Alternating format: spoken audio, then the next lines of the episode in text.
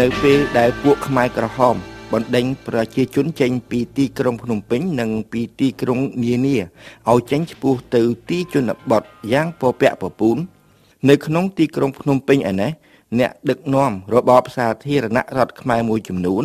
រត់ទៅសុំជ្រកកោននៅស្ថានទូតបារាំងប៉ុន្តែជាការឥតប្រយោជន៍ព្រោះពួកខ្មែរក្រហមដែលជាអ្នកស្នេហាជាតិមហាយោធព្រោះមហាអស្ចារ្យ ហើយជាអ្នកដែលស្អប់ជនបរទេសជាពិសេសជនជាតិស្បែកសមិនទទួលស្គាល់បេសកកម្មទូតអ្វីទាំងអស់អ្នកអង្គម្ចាស់ស៊ីសវ៉ាត់សេរីម៉ាតាដែលបានទៅសុំជ្រកកោននៅស្ថានទូតបារាំងក៏ពុំបានទទួលសិទ្ធិជ្រកកោនដែរព្រោះស្ថានទូតពុំដឹងត្រូវចាត់ការបែបណា ណាមួយខ្លាចពួកអាវខ្មៅទាំងនោះបាញ់ទៅលើស្ថានទូតណាមួយខ្លាចខុសឆ្គងការទូតព្រោះនៅពេលនោះ ប្រទេសបារាំងក្រោមការដឹកនាំរបស់លោក Giscard d'Estaing គ្រប់គ្រងសម្ដេចនរោត្តមសីហនុដែលគេគិតជាទូទៅថាជាអ្នកដឹកនាំរបស់ពួកខ្មែរក្រហមដូចនេះគេមិនអាចទទួលឲ្យអ្នកដឹកនាំរបបសាធារណរដ្ឋខ្មែរជ្រកកោននៅក្នុងស្ថានទូតបានទេ មុននឹងត្រូវពួកខ្មែរក្រហមអូសយកទៅប្រហារជីវិត អ្នកអង្គម្ចាស់ស៊ីសូវ៉ាត់សេរីមតា ដែលពុំព្រមរត់ចេញពីស្រុកនៅពេលមុនការរលំរលាយនៃរបបសាធារណរដ្ឋខ្មែរបាននិយាយសារភាពថា ក្នុងមួយជីវិតខ្ញុំនេះខ្ញុំមានកំហុសតែមួយគត់គឺជឿទៅលើសហរដ្ឋអាមេរិកពួកខ្មែរក្រហមបានបន្ថែមថា មិនមែនតែសហរដ្ឋអាមេរិកប៉ុណ្ណោះទេ អ្នកណាទៀតក៏មិនត្រូវជឿដែរដូចជានៅក្នុងពេលនេះជាដើម អ្នកអង្គម្ចាស់បានឃើញស្រាប់ហើយ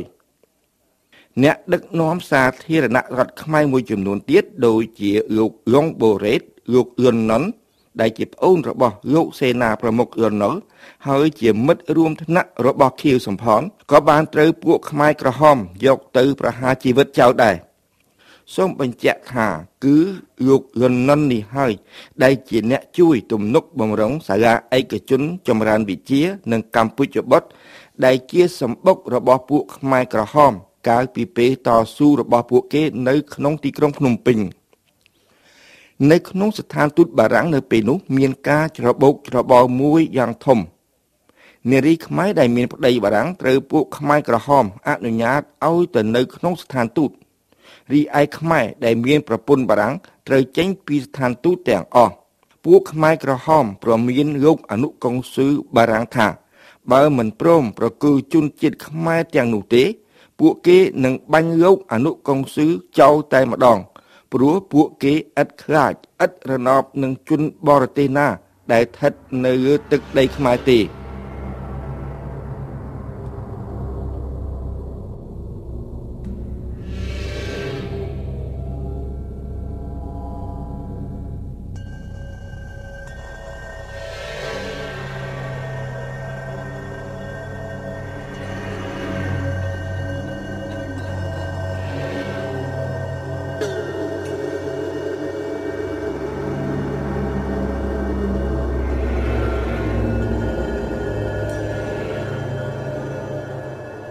នៅពេលដែលព្រឹត្តិការណ៍ដ៏ចម្លែកនេះកើតមានឡើងនៅក្នុងពិភពលោកទាំងមូលគ្មានអ្នកណាជឿថាមានរឿងបែបនេះទេបើកុំតែមានជនជាតិបារាំងខ្លះដូចជាប៉ែកំពង់ឈូជាដើមស្ថិតនៅក្នុងប្រទេសកម្ពុជា រហូតដល់ពេលចុងក្រោយបង្អស់ពិភពលោកទាំងមូលក៏មិនអាចជឿបានដែរប៉ែកំពង់ឈូដែលពេលមកដល់ប្រទេសបារាំងបាននិពន្ធសៀវភៅមួយមានចំណងជើងថា Cambodia Année Zero បានរៀបរាប់អំពីព្រឹត្តិការណ៍នេះយ៉ាងពិស្ដារ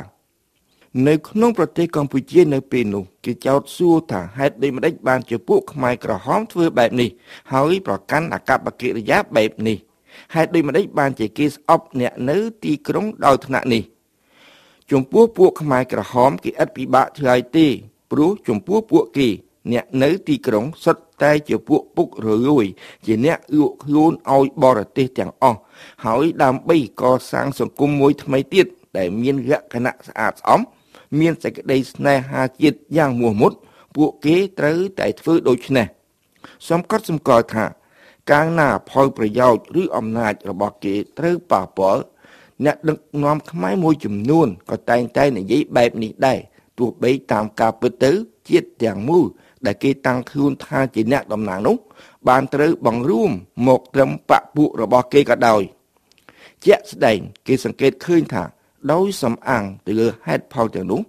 អ្នកដឹកនាំខ្លះធ្វើបាបសង្កត់សង្កិនប្រជាជនឯងប្រហាក់ប្រហែលនឹងកើពីចំនួនអាណានិគមនិយមដែរអាណានិគមនិយមបែបចុងក្រោយនេះ មានលក្ខណៈធ្ងន់ធ្ងរណាស់ព្រោះថាក្រនៅតែក្រ គ្មានចំណេះវិជ្ជានៅតែគ្មានចំណេះវិជ្ជាដដែលសម្រាប់ជំរួចទៅ បរទេសចូលមកតាមទ្វារក្រោយយ៉ាងពពាក់ពពូនចំពោះករណីខ្មែរក្រហមវិញវប្បធម៌ជាតិវប្បធម៌បរទេសទាំងអស់បានត្រូវរំលឹងចោលហើយបានត្រូវបង្រួម មកត្រឹមការតស៊ូវណ្ណៈតែប៉ុណ្ណោះដោយអស់ពេលវេលាខ្ញុំសូមស្ទះត្រឹមនេះសិនចុះ នៅសប្តាហ៍ក្រោយខ្ញុំនឹងរៀបរាប់អំពីដំណាក់កាលប្រវត្តិសាស្ត្រខ្មែរនេះបន្តទៅទៀត។